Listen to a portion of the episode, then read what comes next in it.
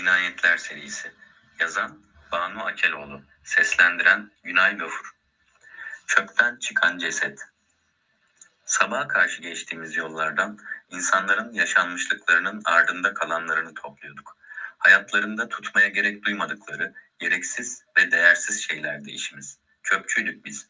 İşimiz çöp aracının arkasında ayakta durduğumuz yerlerden toplamaktı yaşanmışlıkların posalarını. Kimsenin yanından geçmeye bile dayanamadığı çöp bidonlarının içinden araca dökülenleri izliyor, mecburen de kokluyorduk. Normal insanlar sadece çöp kokusu alıyordu. Ama ben bu çöp yığınlarının içinden duyguların kokularını alıyordum. Bir evin içinde neler yaşanıyorsa duygulara bürünüp evden çıkarttıkları poşetlerin içine koku olarak giriveriyordu. Hiçbiri farkında değildi bunun. Ben farkındaydım. Bazı çöpler kızgınlık kokardı. Bazıları hüzün, bazıları huzur ve bazıları korku. Her zamanki rutinimizde görevimizin başındayken bu sefer benimle birlikte diğer arkadaşlarım da aynı anda duyduk o kokuyu. Duygunun kokusu bir ruh ile dışarı sızmıştı. Bu ölümün kokusuydu. Allah kahretsin bu da ne böyle? Durdur mekanizmayı. Sana diyorum Ali hemen durdur. Çöp bidonundan gözümüzün önünde bir erkek cesedi düşüverdi aracın içine. Ali öğütücüyü zamanında durduramasaydı adam paramparça olacaktı. Henüz ben daha şoku atlatamamışken adamın yüzünü gördüğümde ikinci şoku yaşamıştım. Aracın içinde çöplerin arasında yatan adam iki gün önce kavga ettiğim Martı apartmanının yöneticisiydi. Hiçbir şeye dokunmadan polise haber verdik. Sabahın kör vakti olduğu için gelmesi tam 3 dakika almıştı. Polis gelene kadar cesede bakmaktan kaçınan iki arkadaşım da polislerle birlikte eğilmiş cesede bakıyorlardı. Ali yani şoför çok hassas bir çocuktu. Cesede baktığı anda arkasını dönüp kusmuş ve ağzından çıkan o tek cümleyle gözaltına alınmama sebep olmuştu. Abi bu adam geçen senin kavga ettiğin adam ya. Bu cümleden sonra polisler beni gözaltına alıp iki gün boyunca iliğimi kuruturcasına sorgulamışlardı.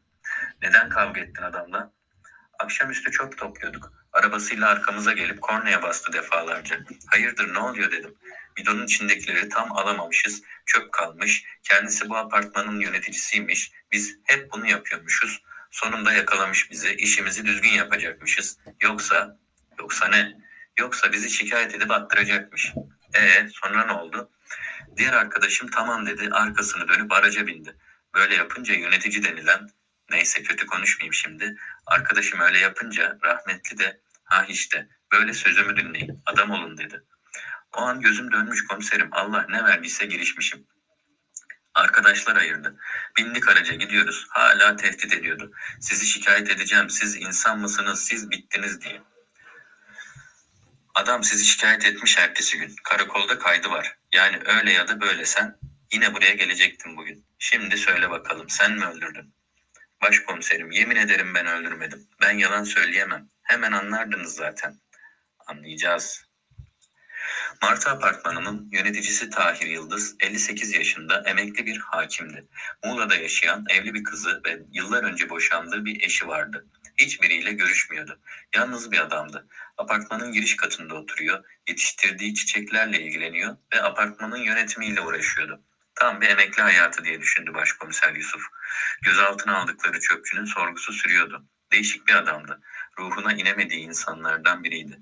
Başkomiser Yusuf suçluların ruhuna kadar görebiliyordu sorguda. Ben bunların ciğerlerini bilirim derdi hep ekip arkadaşlarına. Fakat bazılarının ruhunu göremezdi. Bu insanlar ya gerçekten masum çıkarlardı ya da bir seri katile taş çıkartan karanlık ruhlara sahip olurlardı. Bu çöpçü sanık hangi ruha sahipti zamanla anlayacaklardı. Komiser Zeynep kapıdan içeri düşünceli bir halde girdi.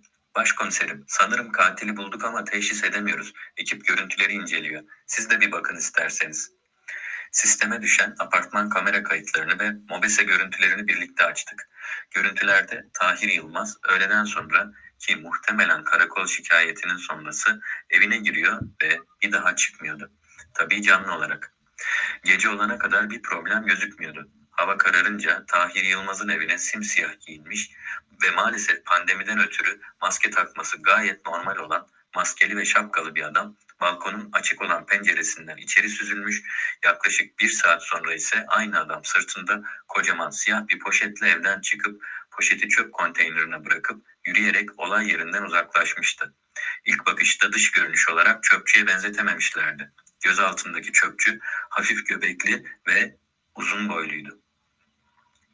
Bu adam da uzun boyluydu ama zayıftı. Komiser Zeynep bir anda ayağa kalkıp Başkomiserim bu adam diğer çöpçüye benziyor. Hani olay anında arkasını dönüp araca binene.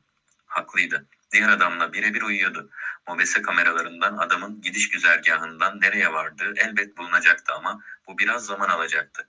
Bu sırada diğer çöpçünün sorgulanmasında bir sakınca yoktu.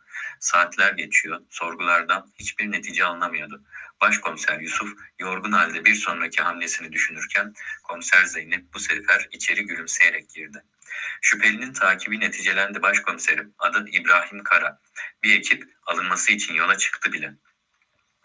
İbrahim Kara, Tahir Yıldız'ı öldürdükten sonra hiçbir araca binmeden tam 4 saat yürüyerek evine ulaşmıştı.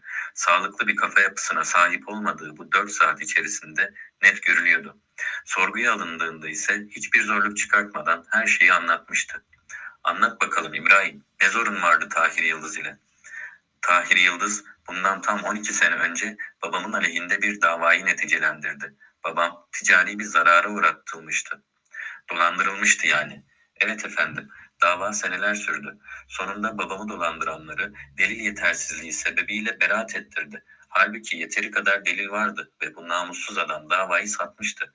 Netice olarak babam hem davayı hem de yüklü miktarda parayı kaybetti.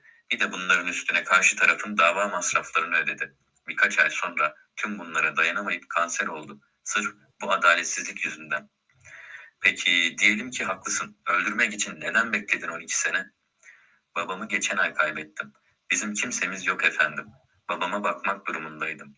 Her geçen gün gözümün önünde erimesini izledim. Elimden hiçbir şey gelmeden, her gün intikam yemini ederek. Baban vefat edince de gidip adamı bulup öldürdün mü? Evet efendim. Babama saygımdan ötürü yasını layığıyla tuttum. Sonrasında ise onu bulup öldürüp layık olduğu yere çöpe attım efendim. Peki pişman mısın? Değilim efendim. Artık rahatım. Babamın da huzurlu olduğuna inanıyorum. Cezamı çekmeye razıyım.